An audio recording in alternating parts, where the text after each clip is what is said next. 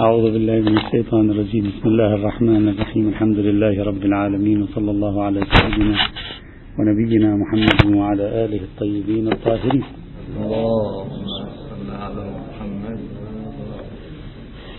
بقي عندنا ثلاث أو أربع عناوين صغيرة لا بد من تناولها لإنهاء بحث العلة المنصوصة أو التعليل النصي الذي أطلنا فيه بأهميته القصوى في مجال اجتهاد العلل ونظرية المقاصد. المحور الأول الذي تبقى معنا سأضعه تحت عنوان التعليل والمعارض المنفصل. التعليل والمعارض المنفصل أو فقل من وجه من الوجوه تخصيص التعليل. الجملة التعليلية كما قلنا سابقا ما لم تأتي قرائن حافة مناقضة ظاهرة في موضوعية العلة ومدارية العلة ولكن مثلها مثل أي ظهور دلالي مثل أي ظهور في اللغة يمكن أن يعارضه ظهور آخر منفصل عنه يوجب تخصيصه أو يوجب تقييده مثل أي عام. إذا كان هناك علة إذا كان هناك جملة تعليلية ظاهرة في مدارية العلة فهذا لا يعني أنه لا يأتي مخصص له. ووجود مخصص لمدارية العلة لا يعني بطلان ظهور الجملة التعليلية في المدارية. نفس الشيء مثل العموم. أنت تقول هذا اللفظ ظاهر في العموم. وجود مخصص أو مخصصين أو استثنائين أو ثلاثة له لا يبطل ظهوره في العموم لا يبطل قانونيته. وهذا موجود في مختلف القوانين الموجودة في العالم. الاستثناءات التي تلحق القانون لا تبطل القانون ولذلك هناك جملة مشهورة تستخدم لا أدري الآن في اللغة العربية نستخدمها نقول الاستثناء الذي يؤكد القاعدة.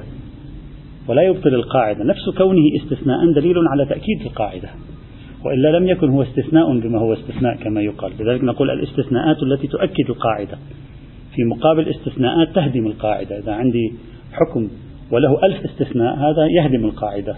أما إذا عندي حكم وله استثنائين أو ثلاثة استثناءات صغيرة فهذا لا يضر لأن هذا شيء طبيعي في عالم القوانين أن تكون هناك استثناءات في كلية القانون في هذا المورد أو في ذاك المورد. نتيجة عروض عنوان ما مثلا.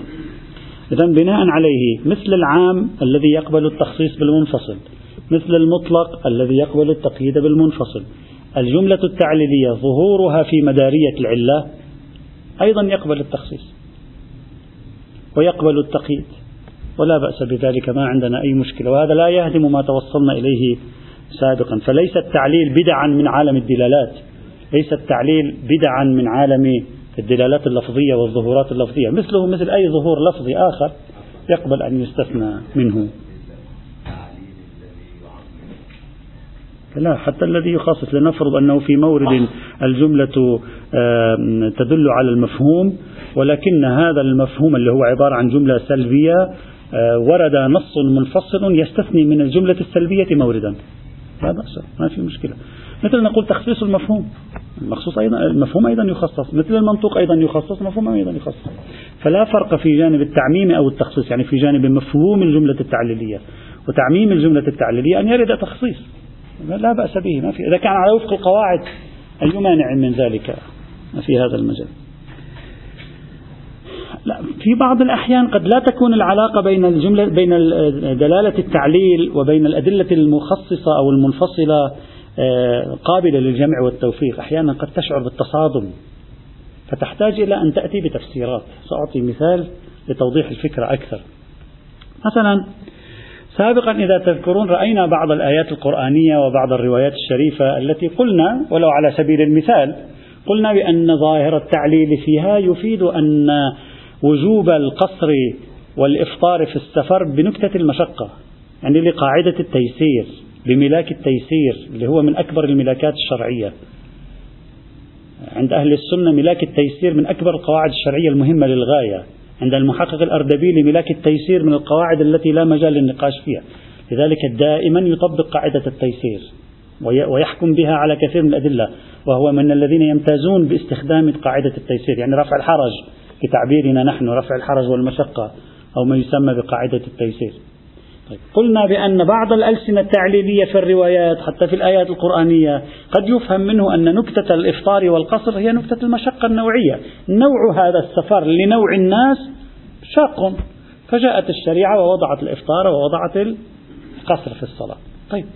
هذا الحكم الذي استفدناه من ظهور الجملة التعليلية قد تجده يصادم ظهور الروايات في معيارية المسافة. يعني الآن أنا صار عندي ظهورين في الأدلة. صار عندي ظهور الجمل التعليلية في الآيات والروايات الذي يدل على معيارية المشقة في, في الإفطار والقصر. وعندي ظهور روايات المسافة في معيارية المسافة في الإفطار والقصر. فهنا قد يجد الإنسان أنه يتصادم ظهوران. مثل هذا قد تجده. ليس تخصيص هذا قد لا يظهر للوهلة الأولى تخصيص. إذا أمكنك أن ترجعه إلى ضرب من التخصيص لا بأس. إذا لم يمكنك أن ترجعه إلى ضرب من التخصيص عليك أن تجد وجها للتوفيق. وإذا لم يكن هناك وجه للتوفيق تقول تصادما تعارضا استقرها ترجع إلى قواعد الترجيح بموافقة الكتاب بالقواعد الترجيحية أو يتساقط الاثنان معا ونرجع إلى العمومات الفوقانية الأولية أو نرجع إلى الأصول العملية. على طبق القاعدة في مثل هذه الحالة مثلا مثلا الآن لا أريد أن أرجح فقط أعطي أمثلة لتحريك أذهاننا. مثلا قد شخص يقول المعيار الحقيقي هو المشقة النوعية ولكن لا يبعد أن يكون من وظائف المعصوم مساعدة المكلفين في وضع ضابط موضوعي في زمانه. مثلا إذا قال له المشقة النوعية ربما المشقة النوعية بالنسبة إليهم قد يضطربون في تشخيصها قد لا يعني يكونون دقيقين في تشخيص أن هذا السفر فيه مشقة نوعية أو ما فيه مشقة نوعية. فيأتي المعصوم ويعطيهم معيارا غالبيا. وهو عبارة عن معيار المسافة. فلا يكون المعيار المسافة مأخوذا على نحو الموضوعية وإنما يكون مأخوذا على نحو الطريقية لوضع معيار موضوعي للمعيار الحقيقي الذي يدور الحكم مداره. هذا احتمال. ممكن واحد يقول أنا بين هاتين المجموعتين مجموعة مدارية المشقة ومجموعة مدارية المسافة قد أخرج الموقف بهذه الطريقة. قد واحد يقول أنا أخرج الموقف. وبالتالي المسافة تحمل على الطريقية لا على الموضوعية ليست معيارا حقيقيا. هي ليست سوى طريق للمعيار الحقيقي فإذا تغيرت وسائل النقل تغير هذا الطريق. وبالتالي علينا أن نسلك طريقا آخر مثلا مستقلا عن الطريق الأول. مثلا ربما يساعدنا على ذلك رواية. أنا فقط المثال جئت به فقط لأجل أن نتعامل مع الموضوع تطبيقا. مثلا رواية لاحظوا معي هذه الرواية وهي خبر عبد الله بن يحيى الكاهلي. المروية في تهذيب الأحكام وفي كتاب الفقيه للشيخ الصدوق. يقول خبر عبد الله بن يحيى الكاهلي قال سمعت أبا عبد الله عليه السلام يقول في التقصير في الصلاة فقال بريد في بريد بريد في بريد أربعة وعشرون ميلا. عطى المسافة حدد معيار المسافة. ثم قال إن أبي كان يقول إن التقصير لم يوضع على البغلة السفواء. البغلة السفواء يعني البغلة السريعة. أو الدابة الناجية الدابة السريعة أيضا. وإنما وضع على سير القطار سير القطار يعني سير الإبل. القطار يعني القوافل التي يقطر بعضها بعضا الإبل. ما معنى هذا؟ المسافة لا فرق فيها بين الإبل وبين الدابة السريعة. مسافة مسافة. فما معنى أن يقول الإمام إن التقصير لم يوضع على وسيلة النقل السريعة وضع على وسيلة النقل البطيئة؟ ما معنى هذا؟ هذا الكلام لا معنى له إذا كانت المسافة هي المعيار. لا فرق. عند أن تصل إلى 22 كيلومتر بواسطة البايسيكل أو تصل إلى 22 22 كيلومتر بواسطة الموتورسيكل أو تصل إلى 22 كيلو بواسطة القطار. لا فرق. في الفقه الآن لا فرق. فما معنى يجي الإمام يميز يقول تقصير لم يوضع على البغلة السفواء وضع على سير القطار. هذا يكشف لك أن المسافة لم تؤخذ معيارا أوليا. فقد يقال هنا في مثل هذه الحال إما أن المعيار هو عبارة عن المشقة النوعية والمشقة النوعية حددت بالمسافة على أساس سير الإبل. وإلا الذي يمشي على الدابة السريعة ويصل 22 كيلومتر نوعا لا يكون هناك مشقة في سفر أو نقول إن معيار السير يعني سير القطار بربطه بالمسافة كاشف عن أن المعيار زماني وليس معيارا مسافتيا. وهذا يرجح روايات الزمان. عندنا نوعين من الروايات كما تعرفون في باب القصر. عندنا روايات معيار القصر والإفطار المسافة المكان 22 كيلومتر أو 44 كيلومتر. وعندنا معيار ثاني الزمان بياض يوم وليلة. يعني بياض يوم وسواد ليلة يعني 24 ساعة. إذا بقيت تسير 24 ساعة وأنت في حالة جد السفر يعني تجد المسير فهذا معناه قصر. فالإمام في هذه الرواية كأنه يريد أن يقول المعيار زماني. طيب معيار زماني إذا بدنا نطابقه مع المعيار المكاني كيف يطابق؟ يطابق على أساس سير الإبل. يعني الإبل في 24 ساعة بسير القوافل تسير 22 كيلومتر مثلا أو تسير 44 كيلومتر مثلا. فأراد أن يكشف عن تطابق معيار الزمان ومعيار المكان أو عن أن المسافة معيار للمشقة واحد من اثنين. وبعبارة أخرى تكون المسافة ليست مأخوذة على نحو الموضوعية التامة بل مأخوذة على نحو طريقي إما طريقي إلى المشقة النوعية أو طريقي إلى معيار الزمان. وإلا إذا كانت مأخوذة على نحو الموضوعية التامة أي معنى للتمييز في المسافة بين أن تسير على بغلة سفواء أو أن تسير سير القطار؟ لا فرق. لا أريد أن أعطي نتيجة الآن لكن أريد أن أقول مثل هذه الروايات في هذا الباب ممكن أن تعطيني تفسيرا للتصادم القائم بين فقه التعليل في روايات السفر وبين فقه المسافة في روايات السفر. وممكن حينئذ نقول المعيار الحقيقي هو ما أتى به فقه التعليل والمعيار الثاني الذي هو فقه المسافة ليس سوى طريق للمعيار الأول بحسب ذلك الزمان وأن الأئمة كانوا يقومون في بعض الأحيان بوضع معايير موضوعية في حال الالتباس تبعا لزمانهم تبعا لزمانهم. يعطوا معايير موضوعية في حال الالتباس تبعا لزمانهم. وممكن إذا تغيرت الأزمنة ووسائل النقل يزول هذا المعيار الزماني لأنه ليس أصيلا إنما هو معيار عارض مثلا. وعلى أي حال ما أريد أن أصل إليه أن ظهور الجملة التعليلية في مدارية العلة ليس بمثابة الخروج بحكم عقلي غير قابل للتخصيص. مثله مثل أي استدلال لغوي. يقبل التخصيص يقبل التقييد يقبل الحكومة يقبل أن يعرض عليه دليل آخر. وقد يصادم أدلة أخرى بما يفرض علينا الذهاب إلى تأويلات آه، عرفية أو يفرض علينا الذهاب إلى ترجيحات أو نقول بالتساقط حينئذ مثل أي حال. وليس صحيحا ما نتصوره من أنه بما أن التعليل في بعض الموارد يصادم بعض الأحكام الشرعية الثابتة إذا هذا معناه التعليل باطل. لا تعليل صحيح ويؤخذ بإطلاقيته غير غاية الأمر أنه يقيد بمورد حصل هنا أو هناك مثلا وهكذا. طبعا إذا كانت الموارد التقييدية كثيرة جدا بحيث يقال لا يمكن أن يعني يبقى التعليل على على حاله هذا بحث آخر. هذه النقطة الأولى التي أردنا أن آه، نذكرها في نهاية مباحث العلة المنصوصة. النقطة الثانية أو المحور الثاني من المحاور الأخيرة هذه تأسيس الأصل الأول في حالات الشك في العلة والحكمة. هذا البحث من البحوث المهمة. إذا أنا شكيت هذه الجملة التعليلية هل هي تعليل بحكمة؟ يعني بعلة ناقصة أو هي تعليل بمناط بمدار؟ لا أدري شكيت. ما لا لم أستطع أن أستظهر العلية ولم أستطع أن أستظهر اللا علية خلاص وقعت في شك. ما الأصل الذي أرجع إليه؟ قلنا الأصل الظهوري الأصل الظهوري الدلالي عند العرف مدارية العلة إلا إذا جاءت قرائن. لكن الآن نحن قرأنا نصا ومع ذلك لم يستطع العرف أن يحدد. هذا المتكلم هنا يريد بالتعليل بيان العلة أو يريد بيان الحكمة. التبس الأمر علينا شكين. وأحيانا قد لا تكون العلة منصوصة. مثلا علة منقحة تنقيح مناط. وأشك هذا المناط الذي نقحته أنا هل هو بنحو العلة التامة عند الشارع أو هو بنحو العلة الناقصة عند الشارع؟ لا أدري لا أعرف. أشك في ذلك. التبس الأمر علي. فما هو الموقف في حال الشك في كون المذكور من العلة أو في كون العلة هي هي مدار أو حكمة؟ مناط تام للحكم يدور الحكم مداره أو حكمة علة ناقصة. ما هو الأصل الأول هنا؟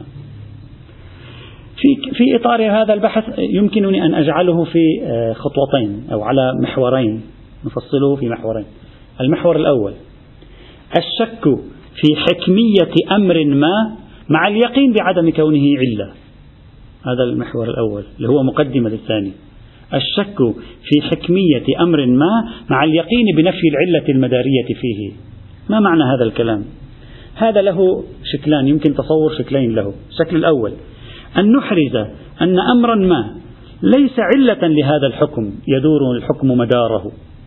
لكننا نشك أصلا في كونه حكمة أو لا.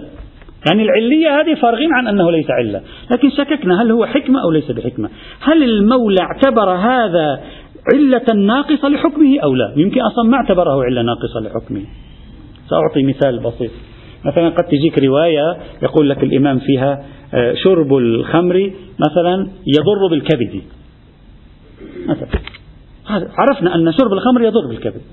لكن لم يقل لي الإمام هل المولى سبحانه وتعالى عندما شرع تحريم الخمر مثلا هل طبعا أجزم بأن الضرر الكبد ليس هو العلة التي يدور الحكم مدارها. أجزم مثلا. لكن هل ضرر الكبد كان جزء العلة عند المولى أو لا؟ يمكن حتى جزء العلة هم لا يهتم لأمره يمكن ما بالنسبة إليه ليس مهما أصلا. ربما كان هناك أسباب أخرى هي التي دفعته أصلا لجعل الحكم على الخمر تحريم شرب الخمر. يمكن. أقول فرضا. في مثل هذه الحال إذا جزمت بعدم علية أمر ما للحكم وشككت في أنه حكمة له أو لا ما هو الأصل؟ يعني ما الذي يجب علي أن أفعله في مثل هذه الحال؟ هذه الصورة لا بد من إضافة قيد لها حتى نميزها عن الصورة الثانية. وهذا القيد أن لا يكون هذا أن لا تكون هذه الحكمة ذكرها متصل لاحظ معي ذكرها متصل بالنص الذي بين الحكم. أن لا تكون هذه الحكمة ذكرها متصل بالنص الذي بين أصل الحكم. يعني مثلا حكم قال الخمر حرام انتهى. بعد عشر سنوات اجى الإمام قال إن الخمر تضر بالسمع. يقينا السمع ليس مدار الحكم بحرمة الخمر لكن هل هو مأخوذ بنحو الحكمة العلة الناقصة أو لا؟ شككت. فإذا عندي يقين بعدم العلية شك في الحكمية يعني في العلية الناقصة ولا يكون ما يدل على الحكمية هذه محتملان لا يكون متصلا بالدليل الذي بين أصل الحكم. يعني, يعني لم يأتي الدليل ويقول الخمر حرام إن الخمر تضر بالكبد مثلا. يعني لم يتصلا ببعضهما بعضا. هذه الصورة الشكل الأول. في مثل هذه الحال مقتضى الأصل عدم كون الإضرار بالكبد أو الإضرار بالسمع حكمة أصلا. أشك في أنها حكمة أو لا الأصل العدم. مقتضى الأصل أساس العدم. ما معنى مقتضى الأصل أساس العدم؟ ماذا أقصد من هذا التعبير؟ أقصد لا يمكنني التعامل مع هذا الشيء تعاملي مع الحكمة. خلاص. لا دليل عندي على أنها حكمة أصلا. إلا يكون عندي دليل شرعي معتبر. ليس عندي دليل شرعي معتبر على أن المولى عندما شرع حكم الخمر أخذ هذه ولو كجزء العلة. لا دليل. أنا المفروض أشك. إذا لا دليل لا يمكن أن أرتب أي أثر من آثار الحكمة على هذا الشيء المحتمل. مش لأنه الأصل عدمها. الأصل بلى نعم. الآن في المتصل سيظهر لماذا نميز بين المتصل والمنفصل؟ لا أدري. أنا عندي دليل مطلق بحرمة الخمر. الآن أنا أشك. حرمة الخمر. أحد أجزاء علة التحريم. إضرار الخمر بالكبد أو لا؟ أشك. ممكن يكون المولى لاحظه عندما جعل الحكم. يمكن هذا بالنسبة إليه كلا شيء. ليس هو معيار عنده أصلا ولا حتى جزء معيار في جعل الحكم بالحرمة لا أدري أنا أشك. لا لا. طبيعة ظهور الدليل الثاني ليس ظهورا تعليليا ظهور بيان مفسدة. لكن لا أدري هذه المفسدة أخذها الشارع في, إنشاء الحكم أو لا. بل قلنا في البداية قلنا هذا المورد الذي أقوله ليس خاصا بالنصوص بالنصوص أصلا. مثلا أنا الآن جئت وقلت الخمر حرام. كما سأشرح بعد قليل. قلت الخمر حرام. واكتشف العلم أن الخمر مضر بالكبد. شككت. هل الإضرار بالكبد أخذ كعنصر من عناصر إنشاء الحكم أو لا؟ بعد أن جزمت بأنه ليس العلة المدارية. ويحصل لي شك. بالنهاية يحصل لي شك. ما هو تعاملي مع هذا؟ الأصل عدم أخذ الشارع هذه الخصوصية كجزء علة لإنشائه ذلك الحكم. هذا هو الأصل. وبالتالي أي أثر يترتب على حكمية شيء لا ينبغي أن أرتبه عليه هنا. يعني مثلا مثلا المحقق الداماد الذي يقول بالتعميم بالحكمة لا يمكنه أن يعمم هنا بالحكمة. صحيح؟ لم يثبت أنها حكمة حتى أعمم بالحكمة. لم يثبت أنها حكمة حتى أعمم. وهذا واضح.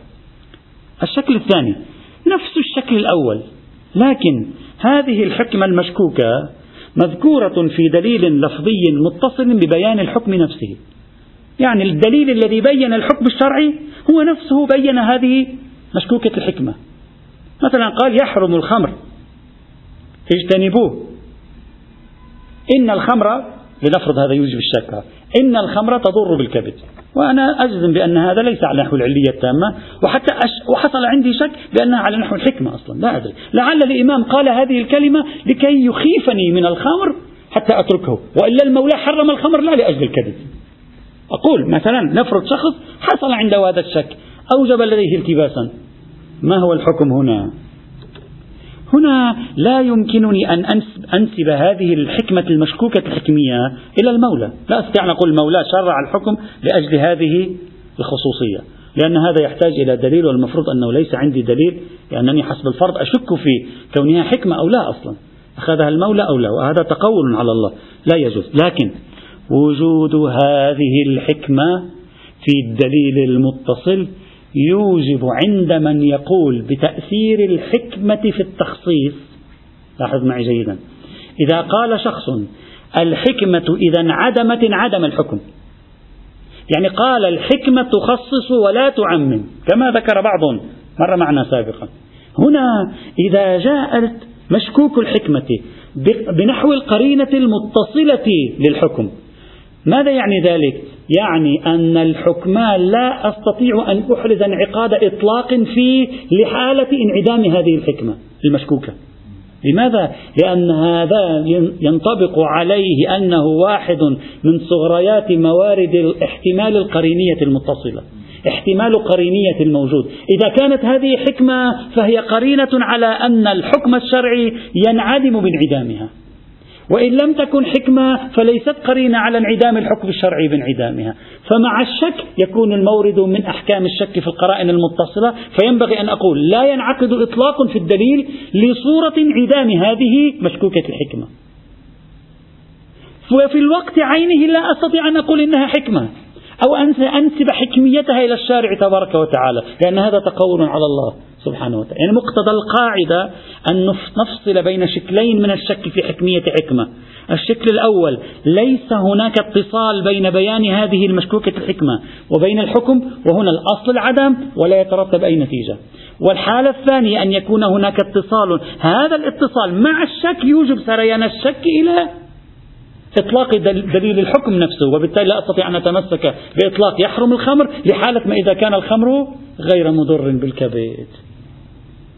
وفي الوقت عينه لا أنسب الإضرار بالكبد على أنه حكمة للشارع تبارك وتعالى. على طبق القواعد في باب الأدلة والظهورات في مثل هذه الحال.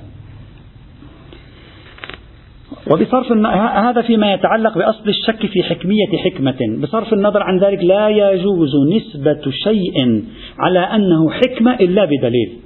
فما يفعله بعض الدعاة بعض الخطباء بعض المبلغين بعض الباحثين بعض إلى آخره من أنه يذهب إلى العلوم التجريبية فيرى أثرا لهذا الشيء المحرم ثم يقول المولى حرم هذا الشيء لأن له أضرارا كثيرة ومن جملة هذه الأضرار الأمر الفلاني الذي ثبت بالعلم هذا لا يجوز هذا تقول على الله لأن أنت عرفك أن الله سبحانه وتعالى جعل الحكم على أساس هذه الخصوصية ليس عندك دليل.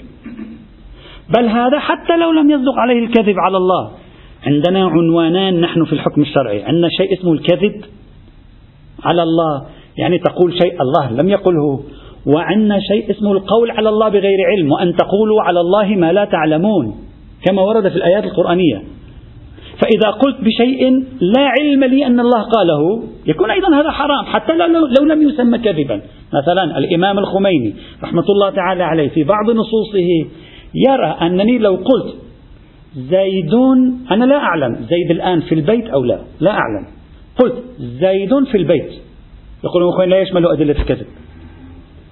لا يشمل أدلة الكذب. إذا صادف أن زيد كان في البيت هذا لا يشمله دليل الكذب أصلا.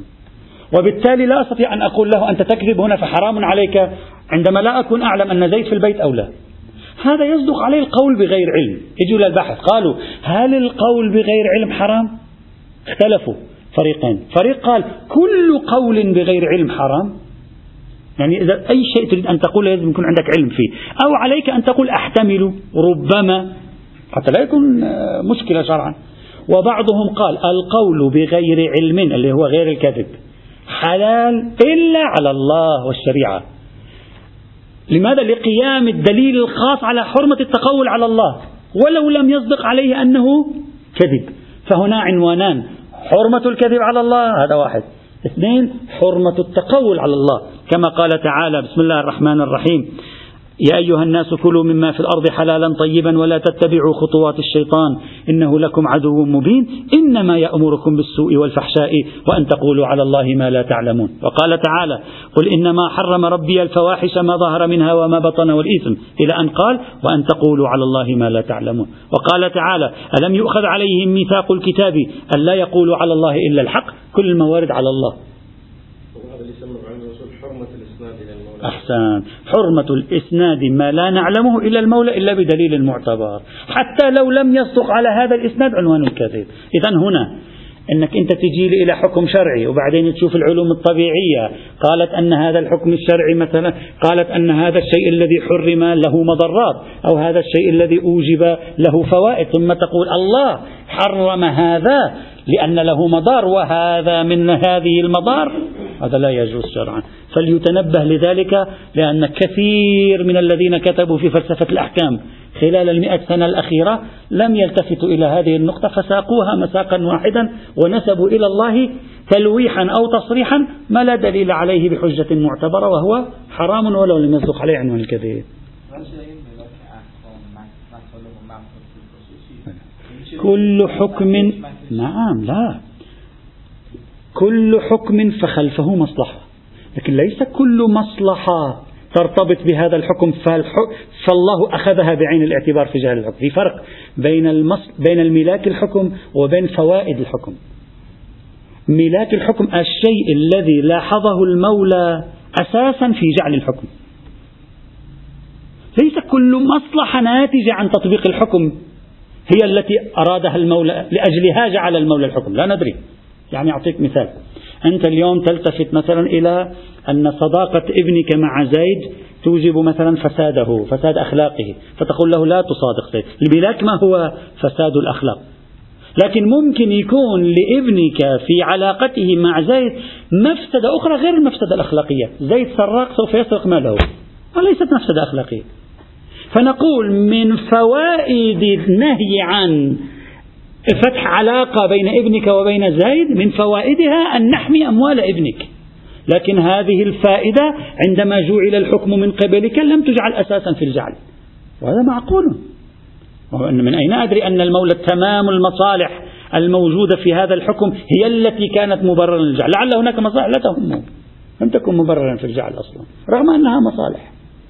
كما ذكرنا في العام الماضي. فرض حکم رو قطعی میدونن که خداوند مثلا بعد میگن که علم اومده اون رو ثابت کرده. لا أنا أتكلم عن صيغة واحدة فقط. إذا شخص يستخدم صيغ متعددة يقول هذا الحكم شرعه الله وقد رأيتم أن هذا الحكم الذي شرعه الله مفيد للإنسان. لا بأس العبارة ما فيها شيء. أنا أتكلم فقط في جهة واحدة. في إسناد المكتشفات التجريبية والعلمية والإنسانية إسنادها إلى المولى في جعله الحكم. فقط هذه العبارة. وإلا الباقي ما في مشكلة عادي. إذا عندنا تأسيس الأصل عند الشك في الحكمة والعلة. تأسيس الأصل نبحثه في مرحلتين. المرحلة الأولى إحراز عدم العلية والشك في حكمية الشيء. قلنا له شكلان في الحالة الأولى لها نتيجة في الحالة الثانية لها نتيجة انتهينا. الآن نشك جاء تعليل وبعد التعليل ذكرت علة. نشك هذه العلة المذكورة. هل هي مدار أو حكمة؟ هل هي علة تامة أو علة ناقصة للحكم؟ هذا هذا المورد الثاني المحور الثاني نعم. المورد الثاني أو المحور الثاني. الآن يعني دوران الأمر بين العلية والحكمية. دوران الأمر بين تمامية العلة ونقصان العلة. أشك. قال حرمت الخمر لإسكارها. هل الإسكار العلة التامة التي يدور الحكم مدارها وجودا وعدما أو الإسكار ليس سوى حكمة فقط؟ وقع عندي شك هنا. فما هو الموقف العملي في مثل هذه الحال؟ هنا يوجد أكثر من موقف تقريبا أساسيا ثلاث مواقف. الموقف الأول أن نقول الأصل عند الدوران والشك بين علية العلة وحكميتها هو حمل التعليل على بيان الحكمة. نقول هذه حكمة إلى أن يثبت بدليل أنها علة. الأصل هكذا. ومعنى ذلك ترتيب آثار الحكمة عليها وعدم ترتيب آثار العلة عليها. هذا الرأي الأول. صاحب كتاب أو رسالة نخبة الأفكار هذه رسالة مطبوعة. الشيخ محمد تقي النجف البروجردي رحمة الله تعالى عليه اللي قرر نهاية الأفكار المحق العراقي. هذه الرسالة مطبوعة في آخر كتاب نهاية الأفكار المحق العراقي. اسمها رسالة نخبة الأفكار في حرمان الزوجة من الأراضي والعقار. في هذه الرسالة هكذا قال. قال عندنا رواية لاحظوا معي الرواية لأن هذه الروايات من الروايات ال يعني ال المهمة في باب إرث الزوجة من العقار. قال محمد بن مسلم وزرارة قالا عن أبي عبد الله عليه السلام أنه قال لا ترث النساء من عقار الدور شيئا ولكن يقوم البناء والطوب. كم ثمنه؟ وتعطى ثمنها أو ربعها. ثمن أو الربع بحسب الحكم الموجود في حالتها ولد غير ولد قال الإمام قال وإنما ذاك ليش المرأة لا لا ترث من العقار؟ لماذا؟ من, من عين العقار لماذا لا ترث الإمام يعلل. وإنما ذاك لئلا يتزوجن النساء فيفسدن على أهل المواريث مواريثهم هذا على نمط الحياة العشائرية والقبلية في تلك الأزمنة. القبيلة أو العشيرة أو الأسرة عندها أملاك ومزروعات عندها بساتين وعقارات. تكون هذه مثلا الأسرة وأولاد العمومة والى آخره. هذه المرأة إذا أجت امرأة تزوجت من واحد من أفراد الأسرة ثم توفي. إذا أردنا أن نعطيها من عين العقارات هذه. ما معنى ذلك؟ معنى ذلك أخذت هي عين العقارات راحت تزوجت من واحد ثاني من أسرة ثانية صارت صار أبناء تلك الأسرة لهم شركة مع الأسرة الأولى في الأموال. أفسدت عليهم لا أدري في الاصطلاح الاقتصادي ماذا يعبر. هذا الانسجام والتناغم الاقتصادي فيما بينهم. يعني دخل شريك على الخط. دخل عامل جديد اقتصادي على الخط. خرب عليهم هذا التوافق في الموضوع. هذا ها هو العلة. هذه العلة. فإذا اليوم تغيرت الحياة المدنية ونمط الحياة الاقتصادية ودخلنا في حياة مختلفة تماما هذا معناه أن هذا الحكم ينبغي أن يزول. هكذا معنى هذا هو البحث. صاحب رسالة نخبة الأفكار ماذا قال؟ قال وأما التعليل الوارد في بعض تلك الأخبار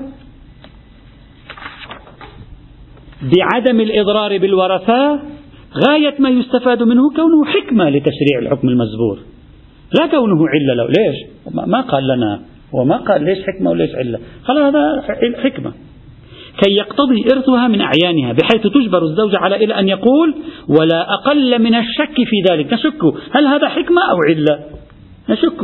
هل هذا حكمة أو علة؟ ما موقفك؟ قال ولا أقل من الشك في ذلك بعد تصادم الاحتمالين فيحكم عليه بالحكمة. كما هو الشأن في كل مورد شك في كون الشيء حكمة أو علة. إذا صاحب رسالة نخبة الأفكار يتبنى أنه عند دوران الأمر بين الحكمة والعلة الأصل هو الحكمة وليس العلة. ومثله السيد السبزواري رحمه الله في مهذب الأحكام قال مع الشك في أنه حكمة أو علة يكفي عدم إحراز العلية في عدم ترتب آثارها. يعني الأصل لصالح من؟ لصالح الحكمة. الآن نريد أن نحلل. طبعا هم لم يعطونا دليل على هذا. يعني لا السيد السبزواري ولا نخبة الأفكار أعطانا دليل على لماذا الأصل هو الحكمة. ما النكتة الفنية في اعتماد أصالة الحكمة دون أصالة العلة؟ هنا لا نتكلم عن أصل لفظي يعني ظهور. المفروض نحن نشك. وما في ظهور هنا المفروض نحن نشك. وإنما نوع من الأصل التقعيدي. نعم نعم الآن سنقول. نعم تفضل. لا بالتقويم ما في مشكلة. خذ فلوس. تاخذ فلوسها وتضل رايحة. الأراضي والعقارات والدور والأبنية ما في مشكلة. ما في مشكلة. الكلام ليس في أن يدفعوا لأحد مالا. الكلام في دخول طرف في نفس الع... تعرفون المجتمعات الزراعية الأرض عندهم مقدسة. تتكلم عن مجتمع زراعي. ما تتكلم عن مجتمع صناعي وما بعد الصناعي. ها هو ال... يعني لازم ناخذ الفكرة ونحن نعيش مجتمع زراعي. وبالتالي كيف يفهمون قضية الأراضي بالنسبة للأسر بالنسبة للعوائل إلى آخره؟ طيب لماذا؟ لماذا تأسيس هذا الأصل من قبل بعض الأعلام؟ وهو الموقف الأول. سنحاول أن نحلل. تأسيسه أعتقد واضح أن الحكمية قدر متيقن وتمثل أقل والعلية هي عبارة عن مطلب زائد تحتاج إلى مؤونة زائدة. لماذا؟ لأن هذا أشبه شيء بدوران الأمر بين العلة الناقصة والعلة التامة الناقصة جزء العلة يعني جزء العلة محرز على كل حال. التعليل يعطيني جزء العلية لهذا لهذا المذكور بعد التعليل. أما هل أكثر من جزء العلة ثابت له أو لا؟ أصل العدم. فعمليا أصالة العدم يعني دوران الأمر بين الأقل والأكثر احتياج العلية إلى مؤونة زائدة وقيد إضافي وجودي زائد حيثية وجودية إضافية كله منفي بأصالة العدم. وهذا معناه رجوع الشك في الحكمة والعلة إلى الأخذ بالقدر المتيقن ونفي الزائد بأصالة العدم. وهذا يثبت الحكمية. هذا الرأي الأول. وهذا تقريب الاستدلال لصالح الرأي. إلا أن هذا الكلام ليس على إطلاقه مع الأسف. هذا الكلام ليس على إطلاقه ينبغي التفصيل هنا.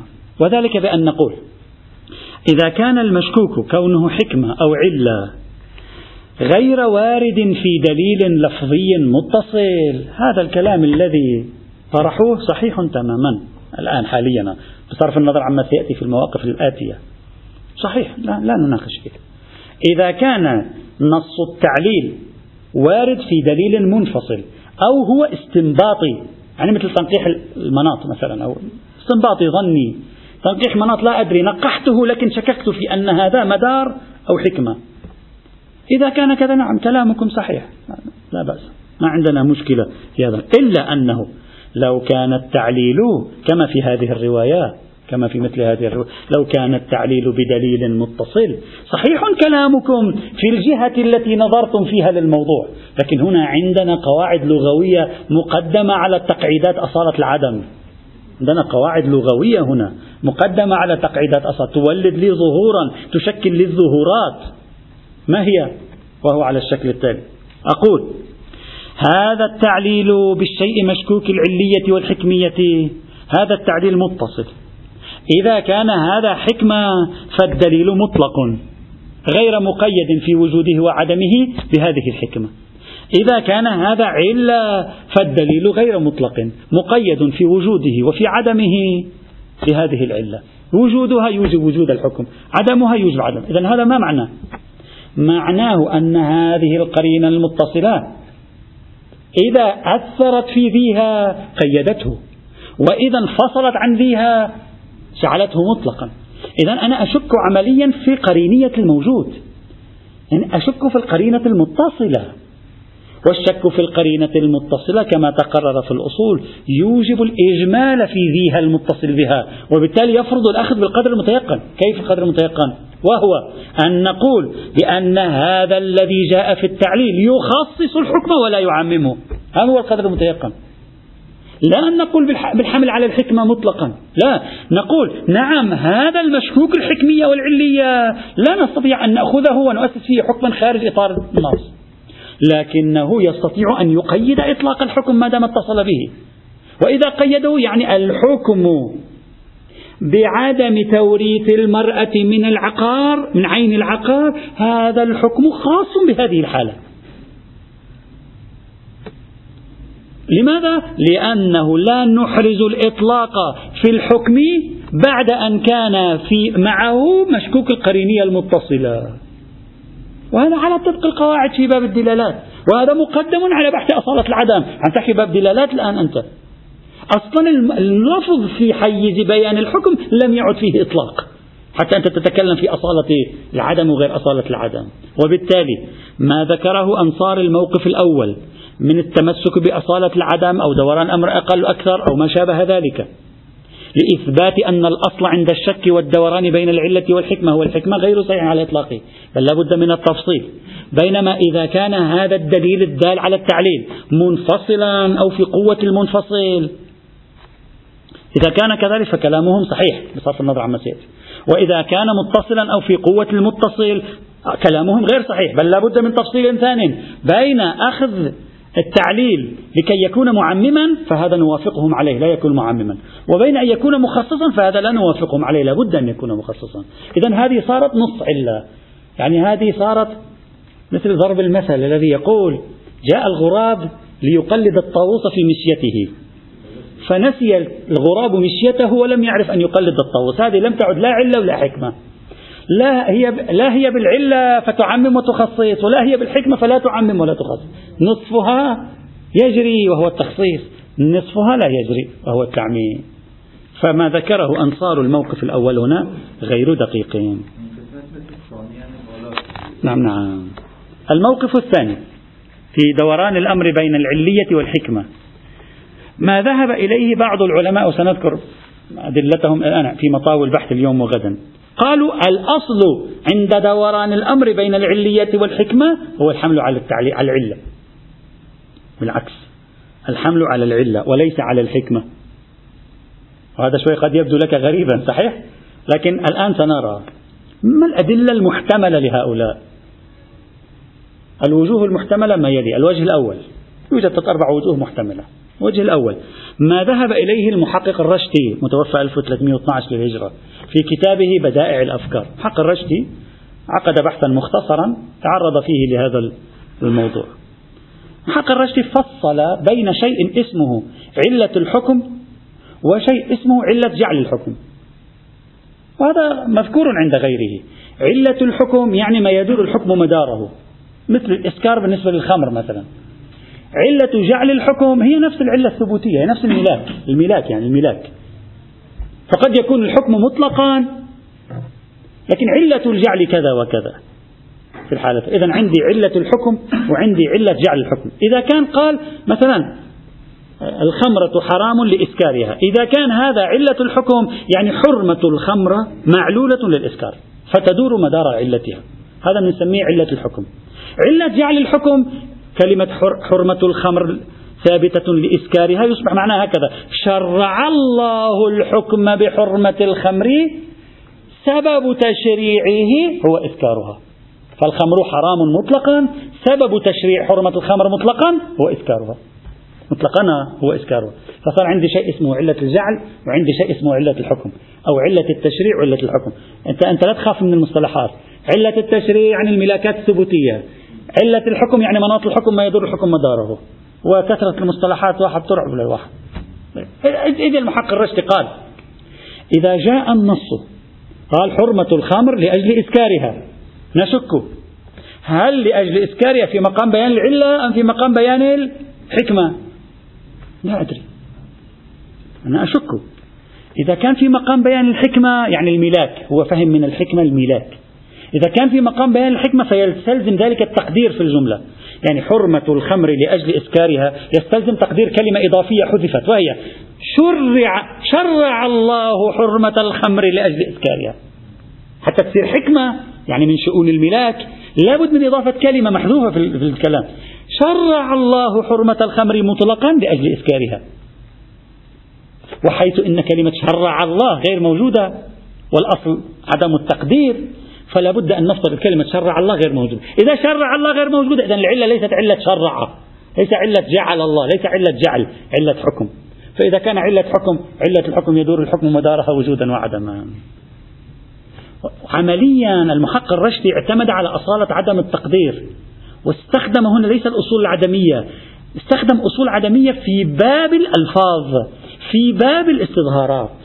في الحقيقة. إذا أردت أن أتأمل كلامه استخدم أصول عدمية لكن لكي يشكل استظهارا من الدليل. وعلى هذه الحال الشك بين العلية والحكمية الأصل فيه العلية. هو سماه دوران الأمر بين العلية والحكمية. هو في حقيقته استظهار العلية. هو في حقيقته استظهار العلية. نحن نمشي معه على تعبيره. دوران الأمر بين العلة والحكمة. فهل كلامه صحيح أو لا؟ طبعا سأشير غدا أفصل أنه ميز بين التعليل عندما يكون مع بيان الحكم وبين التعليل عندما يكون منفصلا عن بيان الحكم مثل رواية العلل لمحمد بن سنان ورواية العلل للفضل بن شاذان. يأتي غدا إن شاء الله توضيحه والتعليق عليه. الحمد لله رب العالمين.